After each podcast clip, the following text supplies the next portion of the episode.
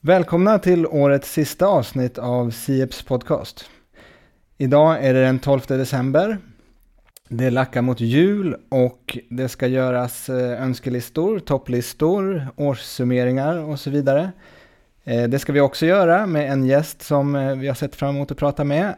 Men först över till min programledarkollega Karin Flordal. Ja, det är många frågor som är högaktuella inom EU-samarbetet, både för Sverige men också globalt. Vi har ju krig, inte bara i ett grannland till EU, utan sedan början av oktober också i Gaza. Vi står eh, och inför, eller vi håller fortfarande på med en grön och digital omställning och diskussionerna om vår konkurrenskraft på den inre marknaden och på världsmarknaden är aktiv. Samtidigt så krävs nu insatser för rättsstatens principer och unionens grundläggande värderingar som är under hot på olika sätt. Men många av de här frågorna har vi redan pratat om i årets olika avsnitt och vi kommer också ha anledning att återkomma till dem under nästa år. Idag tänkte vi istället att vi skulle göra en tillbakablick på året som har gått på ett lite mer övergripande sätt och vi skulle också vilja se tillbaka på det snart 30-åriga svenska EU-medlemskapet. Och det gäller ju helt enkelt att passa på när man har en så passande gäst för just detta. Så varmt välkommen Lars Danielsson. Du är senast eh, Sveriges EU-ambassadör i Bryssel och under de senaste sju åren har du varit regeringens chefsförhandlare, kan man säga så? Det kan man absolut göra. Eh, och du är diplomat och också varit ambassadör i Sydkorea och Tyskland och statssekreterare. Eh, och även då varit djupt involverad i EU-arbetet från hemmaplan.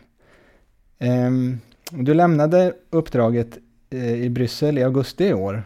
Vad gör du nu för tiden? Jag, jag gör allting utom mata duvor som pensionärer egentligen borde göra.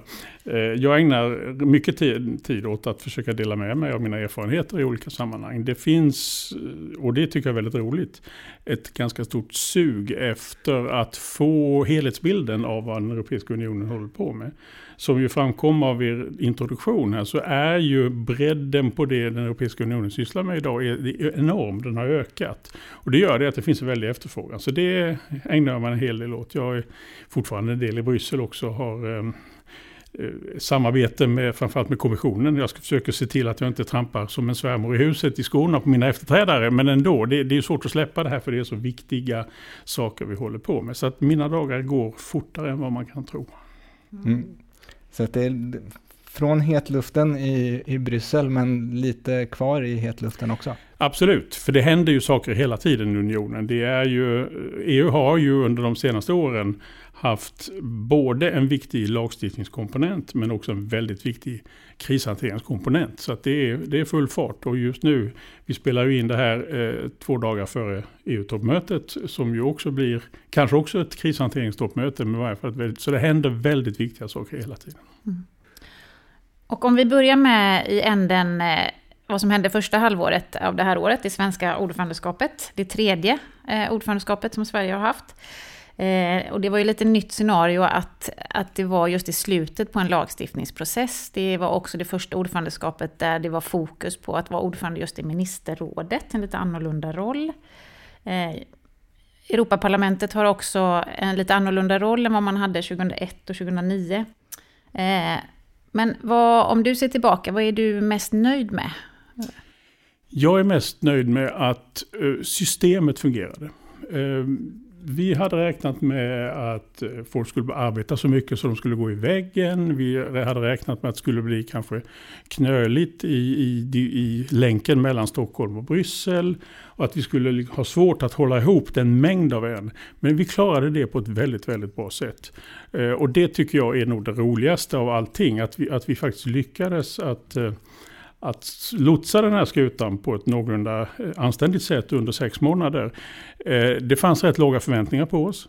Av olika skäl. Eh, och det är alltid bra när förväntningarna är mm. låga för då kan man överträffa dem. Mm. Och jag tror faktiskt att de flesta anser att vi gjorde det. Det var ett, ett gediget lagarbete och det visar att svensk statsförvaltning är väldigt skicklig mm. och kan klara sådana här komplexa uppgifter. Och det tycker jag är väldigt roligt. Mm. Vad skulle du säga är Sveriges styrka som ordförande? Eh, vi har två styrkor, tror jag, eller vi har flera. Men de viktigaste är dels att vi är transparenta och förutsägbara. Det finns ingenting som folk hatar mer i EU än överraskningar. Eh, alla 27 medlemsländerna har sina processer på hemmaplan. Man kan inte rycka upp kaniner ur hatten vid sittande bord, utan man måste vara transparent förutsägbar i det man gör. Det tror jag var vår styrka. Att vi, vi har ett system som är, vi är vana vid att jobba på ett transparent sätt. Mm. Det är det ena. Det andra är också att vi, vi har ett system i Sverige, så kallad gemensam beredning, det vill säga vi bereder ärenden på ett sätt som gör att när vi väl har landat i en position så är alla svenskar företrädare, företräder denna position. Mm. Eh, och i, vårt, i det här ordförandeskapssammanhanget så handlar det om att vi i före ordförandeskapet la fast ramarna för vad, hur ordförandeskapet skulle arbeta i de olika frågorna. Och det fungerade mycket väl. Vi mm. kunde hålla oss inför de här ramarna. Det gav en ökad frihet för oss i Bryssel som förhandlade, för vi visste var ramarna fanns någonstans. Så det, det väl det som jag tyckte var vår, vår absoluta styrka i, i det här. Att vi var för, sen är det också sådana här ganska små saker men ändå viktiga. Börja möten mm. i tid. Mm. Det är inte alltid man gör det i EU. Nej. I svenska ordförandeskapet började nästan alla möten i tid. Ja. Så att eh, man upplevde från de andra medlemsstaterna det är tryggt med svenskar. De, de menar det de säger. De kommer inte med kaniner och hatten. Och det, det, så det... uppfattar jag. Det här är ju en mm. fråga som i första hand ska ställas till andra. Ja. Det är ju mm. lite förmätet att recensera oss själva. Mm. Men eh, jag tycker att, att vi, vi klarade just den delen ganska väl. Mm. Och vi, vad vi också gjorde, och det här tror jag är någonting vi har lärt oss efter snart 30 års medlemskap. Vi samarbetade med institutionerna väldigt nära. Framförallt rådssekretariatet. Rådssekretariatet är ju inte så känt utanför Bryssel. Nej. Det är ett ohyggligt stöd för det roterande ordförandeskapet att ha duktiga, erfarna tjänstemän vid sidan som vet sin roll, mm. men som inte egentligen har någon annan dagordning än att hjälpa ordförandeskapet. Och det var en enorm styrka att ha dessa jätteduktiga män och kvinnor vid sin sida. Just det, de är också slipade på att byta eh, ordförandeskap och ja. ordföringar varje halvår. Precis, mm. så de, de vet. Och där, också där tror jag att vår förutsägbarhet var en stor hjälp. Det var i varje fall vad de sa i alla tacktal mm. mot slutet av ordförandeskapet. Du nämnde här att, att uh, möten börjar i tid, men vi pratade lite innan här om hur, hur långa mötena kan bli och hur långa förhandlingarna kan bli. Uh, vill du berätta lite? Nej, men det är ju så, alltså, i rådet så är det ju mera förutsägbart. När ministrarna träffas så är det ju det är ganska sällan som ministrarna sakförhandlar. Eh, utan de lägger de politiska ramarna för det som sedan är förhandlingar på ambassadörsnivå eller på lägre. Så de mötena är i allmänhet inte så långa. De blir långa, toppmötena blir ofta långa men inte i övrigt. Eh, när ambassadörerna möts i de här två konstellationerna, KPR1 och KPR2, då kan det ju bli ganska långa, långa sittningar. För då handlar det ju ofta om att vi ska komma fram till positioner och en, en viktig sakfråga som vi ju höll på med under vårt ordförandeskap var att, att försöka e, nå enighet kring ytterligare sanktionspaket mot Ryssland. Och där var vi tvungna att tillämpa det som jag kallar för strategiskt tålamod. För det är enhällighet som gäller i de frågorna. Och då tar det ganska lång tid. Det som är framför allt tidsödande, det är de så kallade trilogerna med parlamentet. Det vill säga när man slutförhandlar olika lagstiftningsakter. Det var många jag, jag säger väldigt många eh, sittningar eh, nätterna igenom för att komma överens. Eh, för det finns en tidspress ofta och eh, jag, jag, vill inte räkna hur få timmar jag sov i juni månad. Det var inte så många kan jag säga.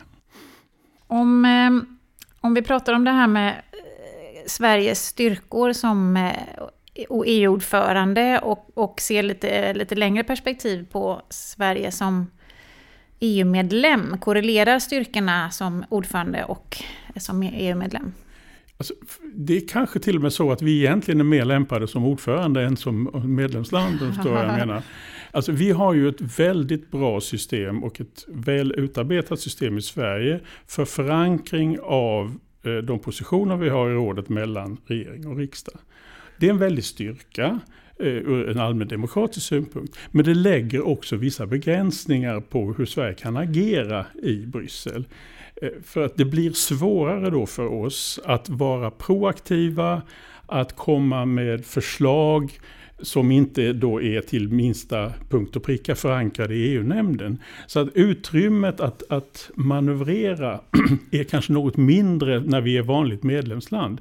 Det här är en utveckling vi har sett egentligen under de sista ja, nästan 15-20 åren. Det vill säga det har blivit en starkare vilja från riksdagen och framförallt dess EU-nämnd att inte bara vara inblandade i de, det som EU-nämnden ska göra, nämligen att ge godkännat mandat inför möten i ministerrådet.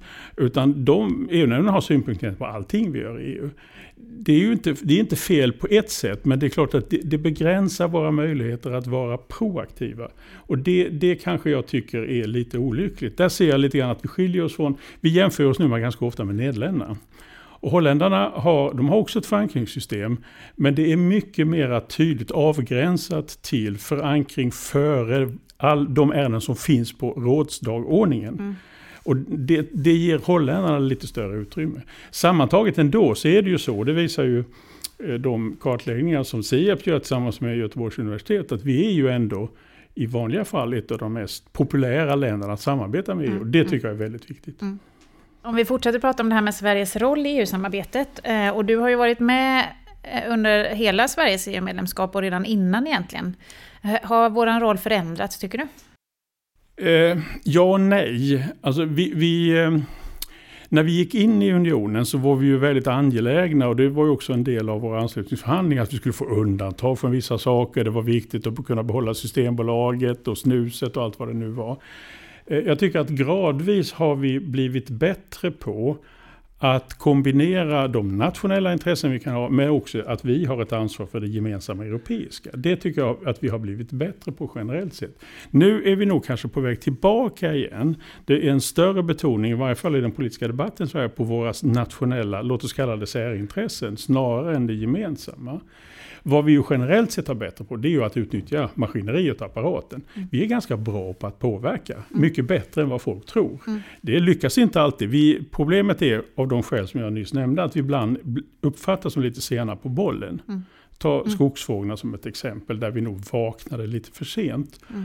Mm. Delvis beroende på att vi levde i förvissningen om att i EU finns det två länder som kan skog, nämligen Sverige och Finland. Och då mm. måste väl kommissionen lyssna på dem. Mm. Ja, det gjorde de så småningom, mm. men det tog lite för lång tid. Mm. Så att, eh, men, men vi, vi, blir bättre och bättre dag för dag, skulle jag vilja säga. Mm. Um, vi, vi pratade tidigare om, om triloger och om när, eh, som under ordförandeskapet, när, när Sverige skulle liksom representera rådet inför med de andra institutionerna. Eh, hur, eh, om man ställer frågan så här, den, den institutionella balansen, ha, hur har den förändrats eh, i och med att triloger blir vanligare och vanligare? Alltså det, det, det, finns ingen det finns flera olika trender samtidigt som delvis är motstridiga. Generellt sett så tror jag man kan säga att medlemsstaterna har idag större inflytande än de hade tidigare. Vi har större element av, låt oss kalla det för mellanstatlighet. Vilket ju också innebär att när medlemsstaterna är överens så kan man göra saker som inte ens finns i fördraget. Pandemihanteringen var ju ett typexempel på det. Det fanns ju ingenting i fördraget om att bekämpa pandemier. Nej. Vi lyckades ändå, eftersom alla var överens, att göra en mängd saker för medlemsländerna ville göra det. Så det, det och, och, då fick vi den här snabbare vaccinupphandlingen och allt annat. Och det, det var ju väldigt viktigt. Eh, parlamentet har ju, försöker ju hela tiden att öka sitt inflytande. De har ju den i mitt tycke eh, oriktiga uppfattningen att de är de enda demokratiska, den enda demokratiska delen av EU-systemet. De är den enda direktvalda delen, men jag vill nog hävda att medlemsstaterna och deras regeringar är precis lika demokratiska, om inte än mer demokratiska till och med, för de har ofta högre valdeltagande i val av regeringar än val av Europaparlamentet. Kommissionen har ju stärkt sitt sin roll, mycket beroende på att vi har haft en väldigt bra kommission de sista åren. Den, den är skicklig. Ursula von der Leyen har varit en mycket skicklig kommissionsordförande. Och man har tagit politiska initiativ som har legat rätt i tiden. Klimatomställningen, Fit for 55 är väl det tydligaste exemplet på det där. Så det drar liksom lite olika håll. Vi ser ju samtidigt också att i en del av lagstiftningsfrågorna så har ju rådet tillsammans med kommissionen bestämt sig för att utnyttja den artikel i fördraget, 122, när man inte behöver konsultera parlamentet. Och det här har ju irriterat mm. parlamentet väldigt mycket. Uh, och det där kan ju bli en trend möjligen. För parlamentet är ofta bra, men inte alltid konstruktiva. Eh, och när det går fort, när det behöver gå fort, och, jag menar, pandemibekämpningen har ju varit en sån sak, då har man tillämpat det här, låt oss kalla det lite förenklade systemet med att få igenom lagstiftning. Så det, det, det är liksom ingen entydig bild egentligen, utan det är flera olika saker samtidigt. Mm. Eh, och det, det, man kan väl säga att vad, vad, vi också har sett, eller jag tycker mig ha sett, det är ju att det institutionella ledarskapet har väldigt stor betydelse. Mm. Det är viktigt vem som är kommissionsordförande. Det är viktigt vem som är ordförande i Europeiska rådet. För de personerna kan åstadkomma väldigt mycket mm. om de är rätt personer på rätt mm. plats. Mm. Och där har det ju verkligen ändrats. Om man tittar bara på kommissionen så är det ju en helt annan typ av ledare nu än det var för 10-15 år sedan. Exakt, ja. Det, det, är helt, helt nytt. Jag menar, nu talar, det var väl Jean-Claude Juncker, den tidigare kommissionsordföranden, som började tala om en politisk kommission. Ursula von der Leyen har talat om en geopolitisk kommission. Mm. Och det är klart att det är ju politiker i väldigt stor utsträckning som är eh, kommissionärer. Mm. Eh, och man tar sig en politisk plattform som är mycket bredare än vad det var. Så det är riktigt. Mm. Eh, samtidigt så är ju fortfarande, fördraget säger fortfarande att kommissionen lägger förslag. Mm. Eh, och, och, sen, sen menar, det finns ju missuppfattning tyvärr allt för ofta att, att trilogerna, eftersom vi har trilog, ut, uttrycket trilog har ju att göra med att det är tre parter. Mm. Eh, men kommissionen är ju inte formellt sett en part, Nej. utan det är ju rådet och parlamentet som ska komma överens. Sen vill vi ju gärna att kommissionen är med på olika sätt. Och de, mm. kommissionens roll är ju ofta i trilog att vara honest broker. Mm. Mellan, mell, men, men, men eh, vi, har, vi har en mycket mer politisk kommission. Mm. Men samtidigt så är det ju också så, och det är ju en av grunderna, hela Europasamarbetet som en del som inte gillar EU missförstår. Nämligen att EU tar sig ingen egen kompetens utan kan bara hantera frågor när medlemsstaterna ger kompetensen mm. till EU. Mm. Och det har inte ändrats och kommer nog inte att ändras heller. Nej. Men kan man också se det som att eh, det som sker i omvärlden, vi var inne på det här med pandemin till exempel, ställer ju nya krav på EU-samarbetet. Och har också gjort att kommissionen då i vissa fall som har det här initierade. Så är det. Det, det, det, det är helt klart. När det gäller pandemin så var det ju ganska oomtvistat. Det fanns en viss diskussion, men, men det gick att hantera. Mm. Eh, när det gäller Ukraina, eh, aggressionen mot Ukraina så har ju också kommissionen varit, haft en väldigt viktig roll. Men det som vi ser nu och där vi nog kommer att få lite av en institutionell clash. Det handlar ju om på vilket sätt ska vi möta i EU den allt mer aggressiva kinesiska politiken på en rad områden. Mm. Där finns ju eh, gemenskapskompetens på handelspolitikens område. Men här har ju kommissionen lekt med idéer och förslag som går ganska långt. Eh, man, man, har eh, på olika sätt eh, försökt föra fram, det gjorde man redan under, ett första förslag kom redan under vårt ordförandeskap. Förslag till en ekonomisk säkerhetsstrategi. Och nu har man aviserat att de ska komma med lagstiftningsförslag i januari. Som ju då handlar om mer utav gemensam exportkontroll och annat. Här tror jag vi kommer att se en ganska rejäl reaktion mot från medlemsländernas sida mot kommissionen. Inte i sakfrågan, men en, i form av en ovilja att ge kommissionen ett mandat att hantera frågor som egentligen ligger ganska nära nationalstatens ansvarsområden, i varje fall enligt fördraget. Mm. Så att det, det, jag tror att det är alltid väldigt viktigt för varje kommission att, att förstå vilket utrymme som finns. Eh, gärna driva på, men mm. inte ta för stora steg. Jag har sett, vi såg ett antal exempel eh, under de sju år jag var i Bryssel, också under vårt ordförandeskap. Och kommissionen får på fingrarna direkt. Medlemsstaterna är väldigt vaksamma. Mm. Och det intressanta är att de som är mest vaksamma här, det är Frankrike. Mm. Eh, som ju alltid har värnat, låt oss kalla det för det mellanstatliga elementet i EU-samarbetet. Men där har ju vi i Sverige ofta ganska likartade synpunkter som fransmännen. Mm. Mm. Man brukar ju prata om, om um, EUs brist på, på legitimitet. Uh, och uh, just när vi var inne på, på parlamentet, liksom, de som är direkt folkvalda, Eh, Eh, men hur, hur, ser du på det? Man brukar ju säga att vi behöver öka legitimiteten. Håller du med? Varje demokratisk institution behöver ju alltid se till att man är legitim. Annars så tappar man ju sin, sin, sin raison d'être, som vi säger i Halmstad. Eh, men, men jag tycker nog att legitimitet, det, det, ett bra sätt att mäta legitimiteten det är ju att se hur medborgarna i medlemsstaterna uppfattar EU. Och det finns ju ett väldigt starkt stöd eh, faktiskt. Och detta stöd har ju ökat under pandemin och aggressionen mot Ukraina. Det är ju väldigt högt i vårt land. Och det intressanta är ju egentligen att det är det land som har en bland de lägsta vad ska jag säga, legitimitetssiffrorna är ju Frankrike igen, vilket ju också är ganska intressant.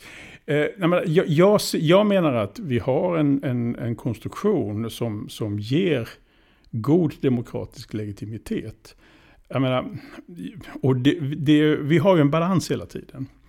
Det finns inget folkligt stöd för att ta ytterligare steg mot det som ibland kallas för Europas förenta stater. Det finns inget stöd för det. Det finns kanske några små grupper här och där, inte minst i Europaparlamentet, som tycker att men vi, vi, vi, det, det, går inte. Eh, och, då, då, och, jag menar, och de som säger så, de säger att det är det enda sättet att få full legitimitet. Jag håller inte med om det. Jag tycker vi har skapat en hybrid som är hanterlig och som reflekterar det läge som finns idag i Europa. Eh, med bibehållen demokratisk legitimitet. Det här kan ju ändra sig i framtiden, det vet vi ju inte. Det är ingen idé att spekulera om det. Det kan ju om 20 år så kan det se helt annorlunda ut. Men idag, givet de förutsättningar vi har idag, så tycker jag nog att legitimiteten är god. Mm. Det vi behöver göra för att öka legitimiteten, det, och, men det ligger ju på medlemsländerna, det är att öka valdeltagandet i Europaparlamentet. Mm. För det är väldigt lågt i många länder. Mm. Om man tittar på opinionsstödet då, eh, de här 30 åren tillbaka, har det liksom ändrats någonting? Alltså I vårt land har, det ju, har vi ju väl haft nästan hela tiden en, sta, en kurva som stadigt har gått uppåt. Det dippade lite under Lehman Brothers-krisen här mm. kring 2008-2009. Eh, och det som ju då blev en Greklandskris i, i EU. Eh, men jag, jag, tycker att det är en ganska bra utveckling. Sakta men säkert så inser en stor majoritet av medborgarna i vårt land och i andra länder att det finns ett antal frågor som vi måste lösa på europeisk plan som inte varje medlemsland kan klara själv. Sen är det den här balansgången och den är inte lätt. Och det är här vi har den berömda subsidiaritetsprincipen, det vill säga att man ska inte fatta beslut om en fråga på högre nivå än vad som är nödvändigt för att nå ett bra resultat. Och där tycker jag vi har en fördel, för vi har ju en av anledningarna till att legitimiteten är rätt hög i Sverige, det är att alla regeringar vi har haft har hela tiden sagt att det ska finnas ett tydligt europeiskt mervärde när vi fattar beslut i EU. Eh, gör det inte det så måste man ifrågasätta om vi ska fatta beslut på europeisk nivå. Vi har ett antal medlemsländer som snarare vill ha europeiska beslut av anledning att man inte har klarat av att fatta nationella beslut i vissa knepiga frågor. Så, ja, men då skickar vi upp den till EU så får de lösa problemen. Det är nästan alltid en dålig drivkraft för mm. europeiska beslut. Men där har vi varit, tycker jag, konsekventa och det tror jag är väldigt viktigt för, för tilltron till EU i Sverige. Att alla regeringar sen vi blev medlemmar har på, på olika sätt ändå mm. haft detta tema. Mm. Eh, vi var inne på, på eller du var inne på, på EUs, eh, EU och Kinas eh, relationer förut som har liksom, eh, vad ska man säga, dragit fram en del industripolitik och, och så vidare. Hur, hur ser du på det framåt? Det känns som industripolitiken har gjort en återkomst. Liksom. Absolut, det, det, gör den. Alltså, industripolitik har ju i Sverige de sista decennierna varit lite av ett fult ord. De som är lite äldre tänker på Stålverk 80 och andra sådana här industripolitiska misslyckanden som vi har, bakom oss. Jag tror, tyvärr kan man det väl säga, att vi får en industripolitisk comeback. För att vi på ett eh, rimligt och robust sätt ska kunna möta de kinesiska försöken som tyvärr finns. Att sätta de internationella spelregler som har etablerats i världen under en följd av decennier, att sätta dem ur spel. Eh, och det, det, finns en, en, eh, en, det finns ett behov av att vi ser till att vi minskar ett ensidigt beroende av Kina. Tydligaste exemplet är ju de så kallade strategiska råvarorna, eller kritiska råvarorna heter de kanske på svenska. Eh, där ju Kina står för ett antal väldigt viktiga råvaror Eh, Eh, som ju gör att vi kan bli utan allt från mobiltelefoner till allt möjligt annat om kineserna bestämmer sig för att dra åt eh, kranen. Eh, och det, där tror jag, och det där kräver, tror jag, industripolitiska satsningar för att vi ska kunna minska det beroendet.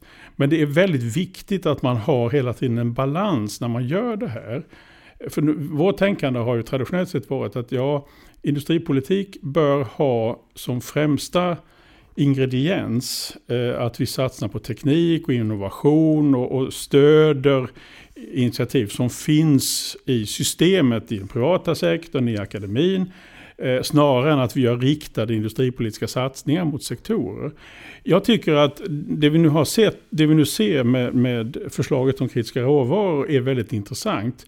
För där sätter man, utan att de är bindande än så länge, så sätter man mål för hur mycket vi ska ha till ett visst år i Europa, egen produktion av vissa kritiska råvaror.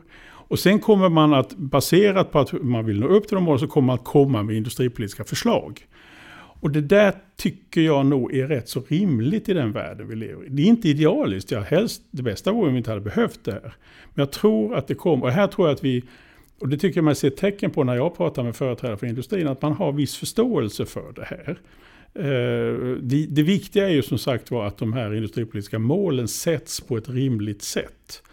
Eh, och det är inte enkelt. Och vi får ju absolut se till att vi undviker ett sätt när det blir politiker som ska peka ut, eller vad heter det, peka ut de som ska vinna i olika sektorer. Det går ju, det, det är ju livsfarligt. Eh, men, men jag tror att vi måste vänja oss vid att Kinas växande ekonomiska roll gör att vi delvis måste se över den verktygslåda vi har.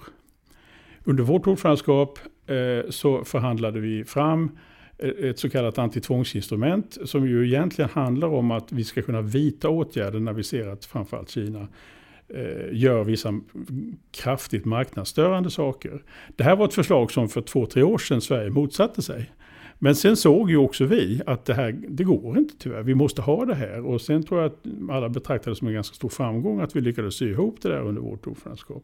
Och vi kommer nog tyvärr få mer och mer av den slag. Det gäller bara hela tiden att ha också eh, balansen mot hur påverkar det här vår konkurrenskraft hela tiden. Man måste titta på industripolitiken också med konkurrenskraftsglasögon. Eh, och där, det är också en sak som vi ju satsade ganska mycket på under ordförandeskapet, att försöka få in konkurrenskraftselementet. Så jag tror att det här ska kunna bli så bra som det nu går Eh, givet den värld vi lever i och givet att det alltid hos en del medlemsländer finns lite protektionistiska tendenser. Men jag tror vi kan möta dem. Vi ska försöka göra en framåtblick också tänkte vi. Ehm, du har ju eh, varit med länge eh, och sett Berlinmurens fall och, de utvidgningar som har varit av EU. Nu är det en ny utvidgning på gång. Eh, och eh, hur, om vi börjar med EU själv, hur behöver EU förändras för att kunna ta emot nya medlemmar? Alltså, det intressanta är ju att vi skulle kunna, vi kan vara 35 länder om vi vill, utan att behöva ändra på fördraget. Vi behöver alltså inte ändra fördraget egentligen. Eh, även om en del tycker att vi borde göra det. Eh, och ett problem vi har haft tycker jag är att vi, särskilt parlamentet, har ägnat för mycket tid att diskutera möjliga fördragsändringar. Vad vi däremot måste, måste ändra är ju politiken. Vi måste ändra budgeten, vi måste ändra eh, in, hur vi fördelar eh, pengarna i budgeten. Vi kan inte låta en så stor andel av EUs gemensamma kassa går till jordbrukspolitik och till eh, regionalpolitik i ett EU som har 35 medlemmar. Så det där måste vi göra. Men sen måste vi också på ett helt annat sätt än hittills. Vi måste försäkra oss om att när länder tar steget och blir fulla medlemmar av EU så måste det finnas starkare garantier för rättsstatens principer än vad vi har idag. Vi har länge levt i eh, förhoppningen, eller för att inte säga förvissningen om att eh, bara länder blir medlemmar i EU, så blir de demokratiska per definition, för de kommer inse att det ligger i deras eget intresse. Tyvärr har ju erfarenheten visat att så är det inte i många fall har det varit mycket framgångsrikt. Ta de baltiska länderna som exempel som har klarat den här omställningen på ett fantastiskt sätt. Men vi vet att det också finns exempel på länder som, som eh, eh inte har gjort detta. Och det tror jag är, det, det måste vi koncentrera oss på. Hur kan vi internt i EU måste vi bestämma oss vilka skarpare rättsstatsgarantier behöver vi för att kunna bli större. Det här är ett ganska stort arbete. Och det finns ju en hel del tankar redan om det här. Vi har sett förslag från tyska och franska experter som ju går i riktning mot eh, ett EU i flera hastigheter. Ingen ny tanke, den har funnits så länge EU har funnits. Men jag tror att den diskussionen kommer att bli mycket skarpare nu än vad den har varit tidigare. Eh, och det här kommer ju också ställa krav på oss att vi funderar igenom vad vi vill med EU. Vi är ju inte i EUs inre kärna idag i och med att vi inte är med i den gemensamma valutan. Frågan är, finns det anledning att titta på den frågan igen? Eh, så att det finns rätt mycket vi behöver göra i EU. Eh, men vi har tid på oss att göra det här. Eh, så att jag, det här var en sak som vi startade under vårt ordförandeskap. En diskussion, börja lägga upp saker på bordet. Den har fortsatt delvis under det spanska ordförandeskapet. Nu har spanjorerna haft så många kriser att hantera. De har inte riktigt orkat med det här. Men det här hoppas jag ska bli en diskussion som blir mer aktiv 2024-2025. För vi behöver ganska snart eh, sopa rent framför egen dörr så att säga. För att eh, det krävs för att vi sen ska kunna fortsätta ställa de krav som vi måste ställa på de länder som vill bli medlemmar. Och där har ju det inträffat att vi har idag eh, geopolitiska skäl för att se till att framförallt ett land som Ukraina kan knytas nära EU så snabbt som möjligt. Och detta är ett läge när vi vet att samhällsomvandlingen i Ukraina är visserligen imponerande, men den är inte på långt när tillräcklig för att svara mot de traditionella kraven som vi ställer på ett, EU ett land som blir EU-medlem. Och hur ska vi hantera det? Så att vi måste liksom klara två processer samtidigt. Där. Både den traditionella förhandlingen med, med de länder som vill bli medlemmar, men också göra den här EU-interna reformen. Och där är det ju som så att det, här, det är ju som ofta, det är pengarna som avgör. Och vi räknar ju med att kommissionens förslag till nästa flerårsbudget kommer någon gång 2026, 2025, 2026. Men kanske en slutförhandling lagom till precis före det svenska valet till 2026. Och då behöver vi, menar jag, ha en bild av både hur pengarna ska fördelas men också hur EU ska se ut med 35 medlemmar. Varav en del av dessa medlemmar inte kommer att leva upp till de traditionella kraven på medlemmar som jag har ställt. Men det finns så starka andra skäl att ändra för dem. Så det där är en jätteuppgift för de närmaste åren. Vi hade Christian Danielsson och Göran von Sydow med i podden och pratade om utvidgningen. Och då, då frågade jag dem om, om en, eh, när de trodde att EU kunde få sin nästa medlemskap. Christian passade den frågan. Göran gissade. Har du någon prognos? Ja, alltså, då, man måste då först alltså, vad menar vi med medlemskap? Eh, jag tror att vad vi kommer att få är någon form av gradvis medlemskap. Och det kan nog komma rätt så tidigt tror jag. Jag kan mycket mer se framför mig att, att eh, Ukraina och troligen också Moldavien eh, hamnar inom en femårsperiod i någonting som kan eh, se ut som ett åtminstone gradvis medlemskap. Fullt medlemskap tio år. Ungefär. Det, det, det är mycket att göra. Det, allting, och hastigheten beror ju väldigt mycket på vad som händer i Ukraina givetvis och kriget. Och sen gäller det också att försöka få bättre fart på reformprocesserna på västra Balkan. Där ju många av länderna har varit eh, kandidatländer väldigt länge. Några har förhandlat ganska länge också. Men där det ju de sista åren har gått väldigt långsamt. Eh, och det krävs ju eh, delvis på grund av destabilisering från Ryssland och Kina, men inte bara. Eh, så att hastigheten är, det är lite svårt att, att, att vara precis tycker jag. Jag kan ju nu som tillhörande den fria världen tycka vad jag vill. Men, men, men, men eh, jag tror att det geopolitiska skälet att få in Ukraina så fort som möjligt är så starkt. Att eh, jag skulle bli förvånad om vi inte inom fem år har någon form av låt oss kalla det för grad, eh, delvis medlemskap som kanske ger närvarorätt vid rådsmöten, det ger viss tilldelning av, av eh, medel från EUs pengar men kanske inte vetorätt i vissa frågor. Så, så det, men det, det är ju en eh, ganska omfattande förändring som krävs då av EU för att vi ska kunna klara det. Ska vi byta några ord om euron också? Det är ju intressant att prata om euron. Eh, och man pratar ibland om att vi är i ett euro-utanförskap. Och, och, och, trots att vi är det så har det ändå visat, som du var inne på tidigare, att vi är en, en uppskattad eh, eh samarbetspartner i EU-samarbetet. Men om man ser tillbaka lite så har ju opinionen sett lite olika ut, men, men vi har fortfarande inte riktigt något stöd för att gå med i eurosamarbetet. Och eh, hittills har det ju också varit, om man ser tillbaka, att Sverige har haft sikte på att bli en, och ingå i den innersta kretsen, så är det ju då, som du var inne på, inte riktigt möjligt om man inte är med i eurosamarbetet. Men om man nu ser framåt då, eh, och eh, ser till att vi kanske blir fler medlemmar, så kommer de ju heller inte att vara med i eurosamarbetet från början. Kan det ändra eh, balansen, tror du? Eh, jag tror det. Jag kan väl också säga att jag hoppas det. Jag, för att vara reklamera mig själv. Jag har tyckt att vi ska vara med i euron hela tiden. Och, och röstade jag i folkomröstningen anser fortfarande att, att det vore bra för Sverige. Det vore också bra för Europa. Jag vill då säga med en gång att utanförskapet efter folk har varit mindre belastande än vad jag trodde. Eh, vi har, och det beror till viss mån på att de andra länderna alltså länderna i eurogruppen har varit mycket öppnare än vad jag trodde. Alltså det, är, det är ett väldigt inklusivt tänkande i de här ekonomisk-politiska diskussionerna. Vi deltar i rätt mycket, inte i alla, men de flesta av dem.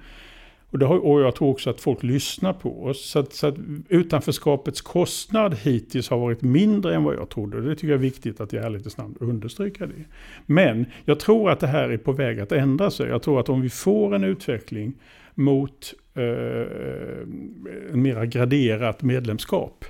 Så, så kanske ett utanförskap vad gäller euron kommer att kosta mer än bara att man inte får delta i en del av eurogruppens diskussioner innan finansministrarna träffas varje månad. Utan det kommer att handla om mer, eh, större exkludering och då kan det bli en helt annan kostnad för oss. Så att för mig är, menar, den diskussion vi har sett nu i Sverige som börjar, den handlar mycket om värdet på valuta. Och det är en diskussion. Och den är viktig. Den är, för mig är den inte avgörande. För mig är avgörande vad vi vill med vårt medlemskap. Och då tror jag att grunden är att om vi vill vara med och påverka, och vi kan påverka, då bör vi försöka hitta en, en eh, väg in i euron. Hur det sen ska gå till, det är politikens uppgift. Men, men eh, vi, kan ju, vi kan ju göra vissa saker redan nu för, för att, för att eh, klara till exempel valutaoron eh, som finns gång. annan. Jag menar, danskarna har, har knutit sin valuta till euron. Det skulle vi kunna göra också om vi vill. Vi har redan gjort en mycket grundlig utredning av ett svensk, en svensk anslutning till EUs bankunion. Också ett steg man skulle kunna ta. Den utredningen är klar, den ligger på hyllan och ligger till sig lite grann. Så jag menar, vi skulle kunna göra steg längre. Men jag tror att det, för att just hantera en del av riskerna med att vara utanför. Men jag tror att på sikt så är det viktigt att när frågan väl kommer upp på allvar på bordet så bör den ha, menar jag, som utgångspunkt, vad vill vi åstadkomma i EU? Mm. Och då är mitt svar väldigt klart, men, men jag har stor respekt för att det här, här finns det väldigt många olika åsikter. Uh, och det, det det är ju alltid så i en fråga där man har avgjort den en gång med en folkomröstning så blir det ju alltid frågan, okej okay, vad gör vi? Om vi tycker att vi vill ändra på det, hur gör vi då? Måste mm. det vara en ny folkomröstning? Eller kan det vara ett två tredjedels majoritetsbeslut i riksdagen eller någonting mm. annat? Jag, jag, har inga uppfattningar, ja uppfattning har jag men jag ska inte lägga mig i den diskussionen. Men, men jag tror att frågan, det går inte att undvika frågan. Den kommer kanske kom på allvar om ett till två år. Mm. Mm. När vi nu blickar framåt, eh, närmsta halvåret kommer kanske präglas av en valrörelse. Eh, och du var inne på, på institutionernas roll tidigare och eh, att nästa kommission kan komma att få en viktig roll för, för utvidgning och så vidare. Eh, hur, hur, ser du på vad som kan, hur valet kan påverka inriktningen på det? Alltså, Europaparlamentsvalet är ju väldigt viktigt, absolut.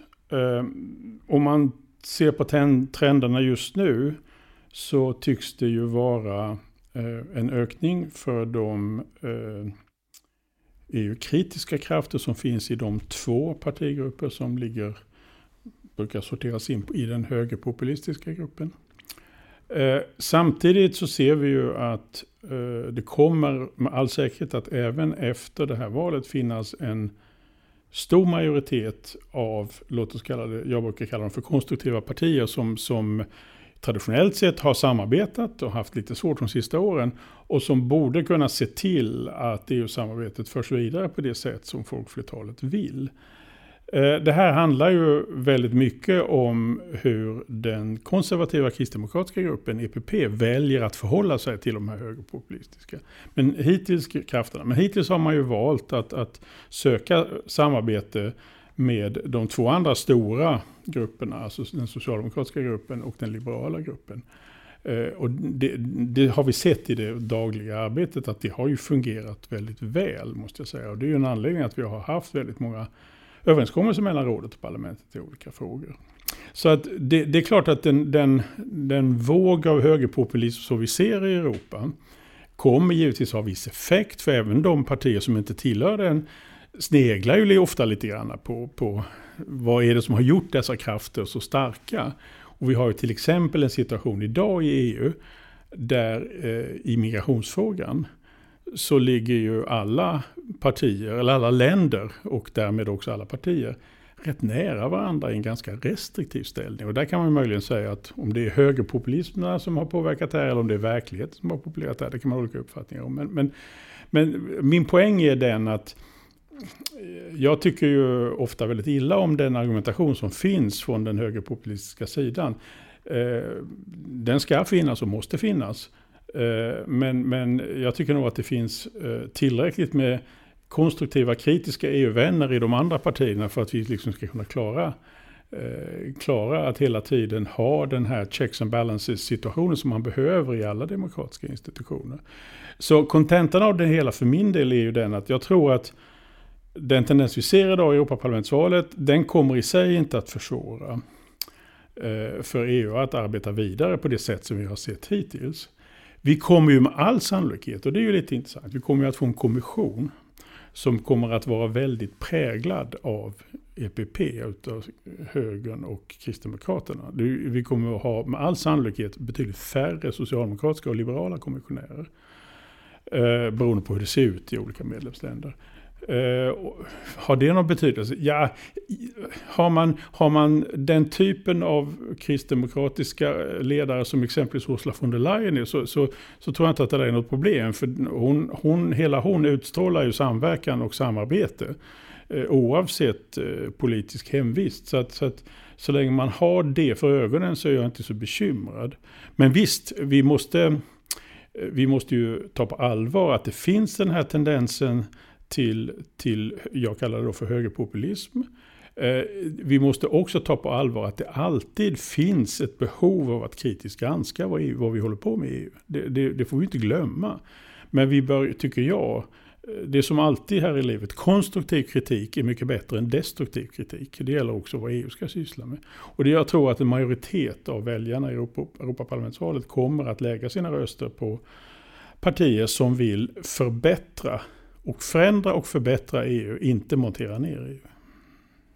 Med det så tackar vi. Vi tackar dig Lars Danielsson för att du var här idag. Och vi tackar våra lyssnare som har varit med under året. Tack Karin. Tack Gustav. Och god jul. God jul. Så hörs vi 2024.